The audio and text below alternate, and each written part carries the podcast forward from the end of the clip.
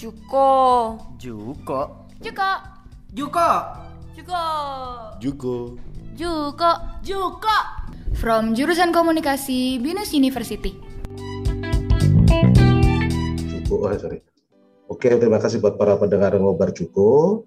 Kali ini ngobar Juko akan ngobrol bareng dengan uh, orang top lah di televisi Indonesia, jurnalis televisi Indonesia, yaitu Ketua Umum Ikatan Jurnalis Televisi Indonesia, uh, Mas Herik Kurniawan. Salam sehat ya, semuanya. Selamat ya.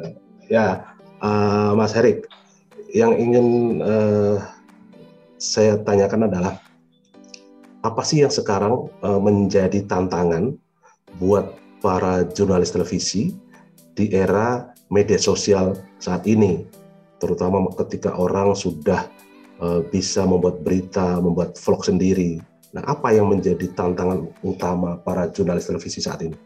Terima kasih, Mas Muslikin. Tantangan utamanya adalah yang sangat strategis, sangat mendasar adalah tetap menjaga kepercayaan dari publik, dari pemirsa, untuk menjadikan kami, para jurnalis, dengan media persnya sebagai rujukan utama untuk mendapatkan informasi untuk memenuhi kebutuhannya sehari-hari. Itu yang paling penting.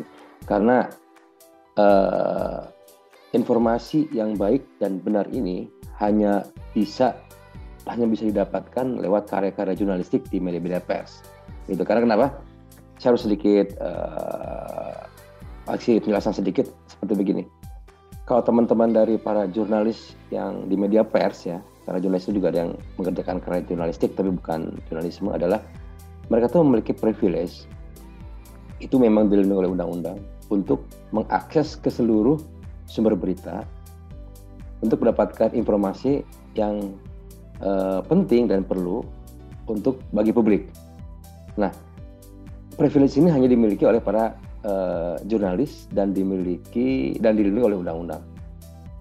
Nah, jadi kalau misalnya sekarang bagaimana di era digital, di era media sosial yang sangat yang sangat apa, yang sangat ramai riuh dengan informasi-informasi yang entah dari mana sumbernya, peran para jurnalis di televisi khususnya adalah kemudian memberikan tambahan informasi, melengkapi informasi menjadi informasi yang layak untuk diterima dengan memberikan verifikasi terhadap setiap berita yang kemudian di uh, keluar di, di apa di layar televisi khususnya.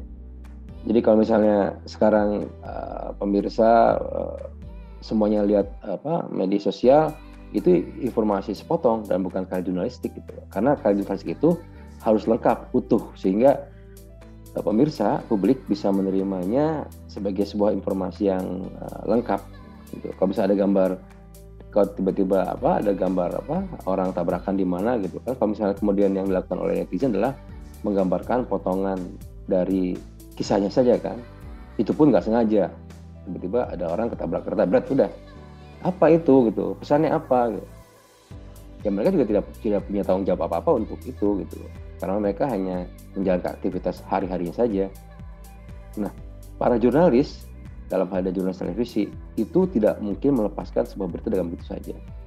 Dia harus memberikan konteks yang sesuai dengan apa yang tadi dengan visual yang kemudian uh, dia dapatkan. Kalaupun memang kemudian visual-visual uh, dari netizen itu kemudian itu kemudian digunakan oleh uh, apa, para jurnalis untuk melengkapi karya jurnalistiknya itu dengan regulasi tertentu tertentu emang sah-sah saja tapi tentu tidak mungkin diloloskan hanya dengan potongan aja harus ada verifikasi dari pihak otoritas sehingga sekali lagi saya sampaikan bahwa publik kemudian mendapatkan informasi yang lengkap, yang utuh, yang baik dan benar. Nah itu tantangannya. Ya, tadi seperti Mas Herik sebutkan, sekarang kan banyak televisi yang menggunakan gambar-gambar atau visual dari media sosial gitu kan, yeah. yang viral. Gitu. Hmm.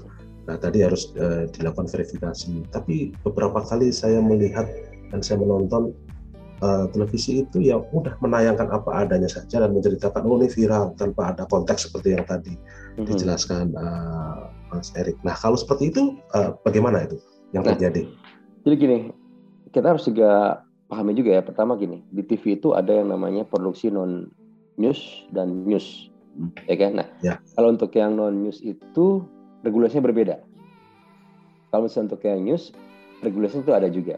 Nah, kalau misalnya kemudian muncul di televisi gambar-gambar yang viral tanpa ada verifikasi, nah itu menunjukkan kualitas dari stasiun TV terkait, jurnalis terkait, program terkait atas mencikapinya mereka uh, dalam posisinya uh, dalam uh, menempatkan posisinya dalam ranah jurnalistik jurnalisme yang sesungguhnya.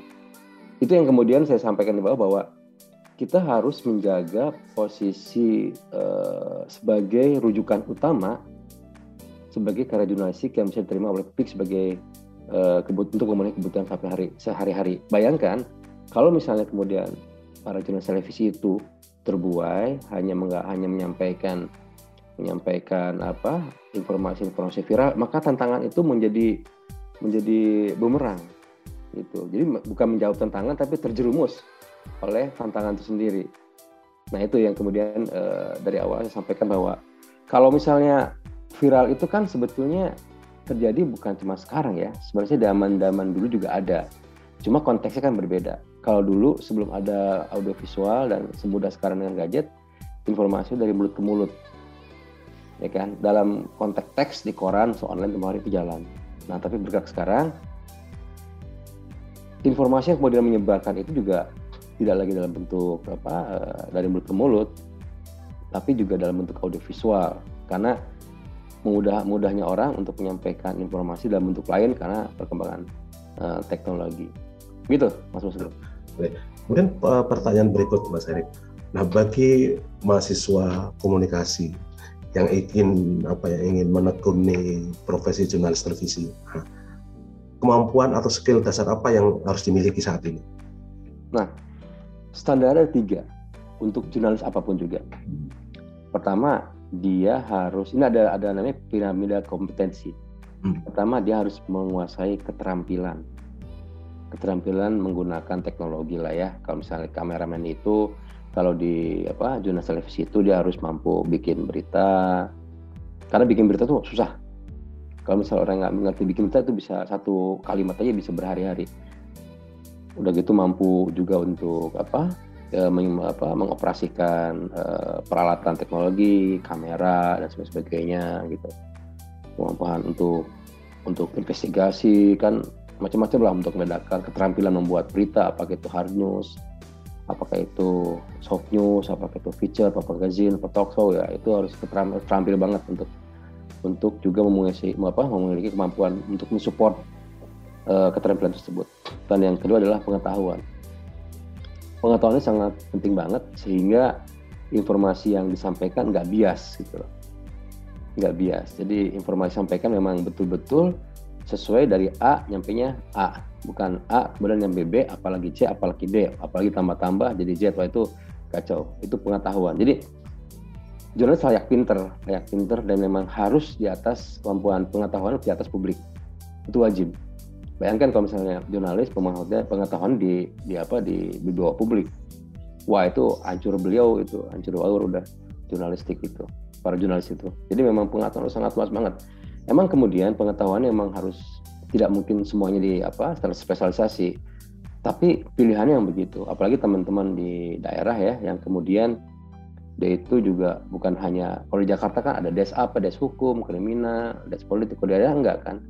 Apa yang terjadi di bawah semuanya harus bisa dia kuasai, masalah sosial, ekonomi, politik. Nah, pengetahuan itu harus dia kuasai. Dengan pengetahuan yang dari mana pengetahuan ini lengkap, dari mana dia mendapatkan pengetahuan, dan bagaimana kemudian dia memanfaatkan pengetahuan. Ini pula yang kemudian jadi kemudian uh, apa tuh uh, jurnalis mendapat privilege untuk bisa menembus narasumber siapa pun juga. Jadi kalau misalnya pagi-pagi ketemu sama tukang bakso, siang-siang ketemu gubernur, malam-malam ketemu presiden, itu bukan hal yang uh, luar biasa buat seorang jurnalis. Memang begitulah kondisinya dan semua memal bukan memaklumi mereka semua juga memahami posisi tersebut dan mereka menjalan menjalankan hal tersebut. Jadi presiden menteri aja masih mikir-mikir kan kapan misalnya untuk ketua presiden. Tapi kalau misalnya jurnalis itu bisa dalam banyak kesempatan punya kesempatan lebih lah untuk misalnya bertemu dengan orang-orang penting presiden kan contohnya.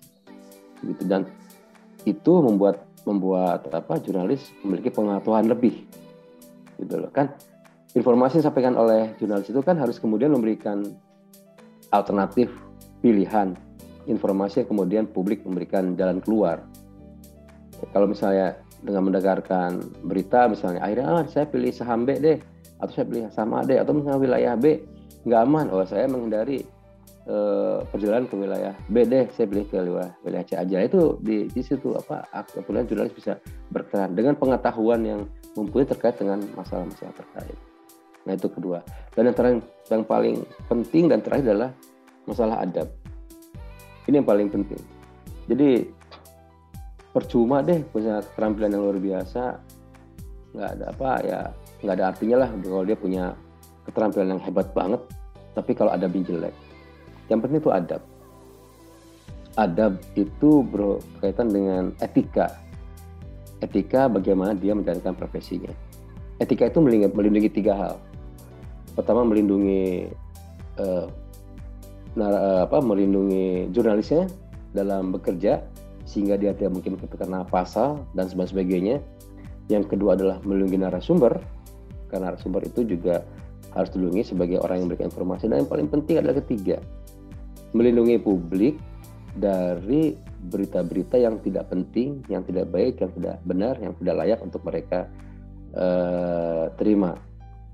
Ya, kalau misalnya publik misalnya, kita kan bertanggung jawab untuk memberikan informasi yang baik benar, kalau misalnya dikasih di apa diberi apa e, berita informasi yang salah maka publik akan tersesatkan gitu loh. Dan di etika itu kemudian makanya kita harus punya adab yang bagus untuk itu. Jadi ada tiga hal. Pertama keterampilan.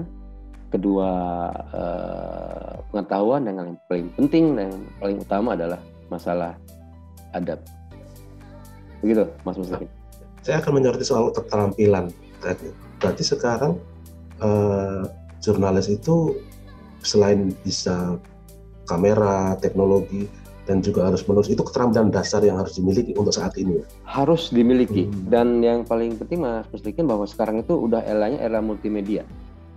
Era multimedia itu kemudian hmm, membuat jurnalis itu tidak lagi harus tidak dituntut untuk karena model bisnisnya berubah, dituntut untuk bisa melakukan platform yang bekerja untuk platform yang berbeda. Misalnya teman-teman yang di MNC lah atau yang di MTech lah atau yang di uh, apa uh, FIFA lah mereka kan terutama teman-teman di daerah atau saat bertugas di daerah atau saat bekerja ke bekerja ke bertugas ke luar negeri mereka tuh kan harus bisa melayani untuk radio untuk online untuk cetak untuk televisi empat dan masing-masing ini punya teknis uh, keterampilan dalam pemahaman teknologi yang yang berbeda. Jangan di teknologinya ya di apa di di apa di pembuatan teksnya berbeda. Bagaimana kita membuat teks di uh, radio yang nggak boleh panjang lebar cukup satu satu paragraf saja misalnya. Terus bagaimana televisi yang kita juga drive oleh visual kalau nggak ada visualnya ya nggak bisa jalan atau di online harus bisa kita bisa uh, apa mendayu-dayu dan sebagainya atau cetak juga yang terbatas dengan uh, apa tuh kolom-kolomnya juga punya style yang berbeda Nah itu nah itu itu kemampuan dasar sekarang. Jadi kalau misalnya dia cuma mampu untuk satu apa satu platform saja, sekarang udah nggak musim deh. Sekarang udah nggak musim dan dan bisa ketinggalan di landasan gitu. Multi uh, media sekarang kemampuannya multi platform. Gitu. Ya. Jadi bisa saya simpulkan kemampuan uh, calon jurnalis terutama buat mahasiswa yang ingin menjadi jurnalis itu jadi harus memiliki kemampuan uh, teknis yang multimedia itu ya. Multimedia wajib mutlak. Wajib. Ya. Oke, terima kasih uh, Mas Erik atas waktunya ngobrol-ngobrol. Mudah-mudahan uh, ini bisa menjadi masukan buat uh, teman-teman mahasiswa yang ingin menekuni profesi uh, jurnalistik televisi.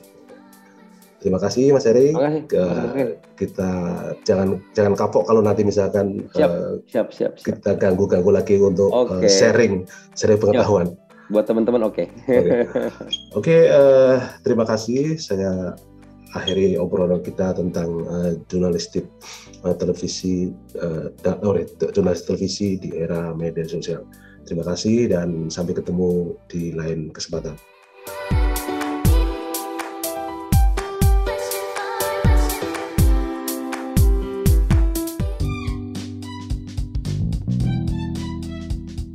From jurusan komunikasi Binus University.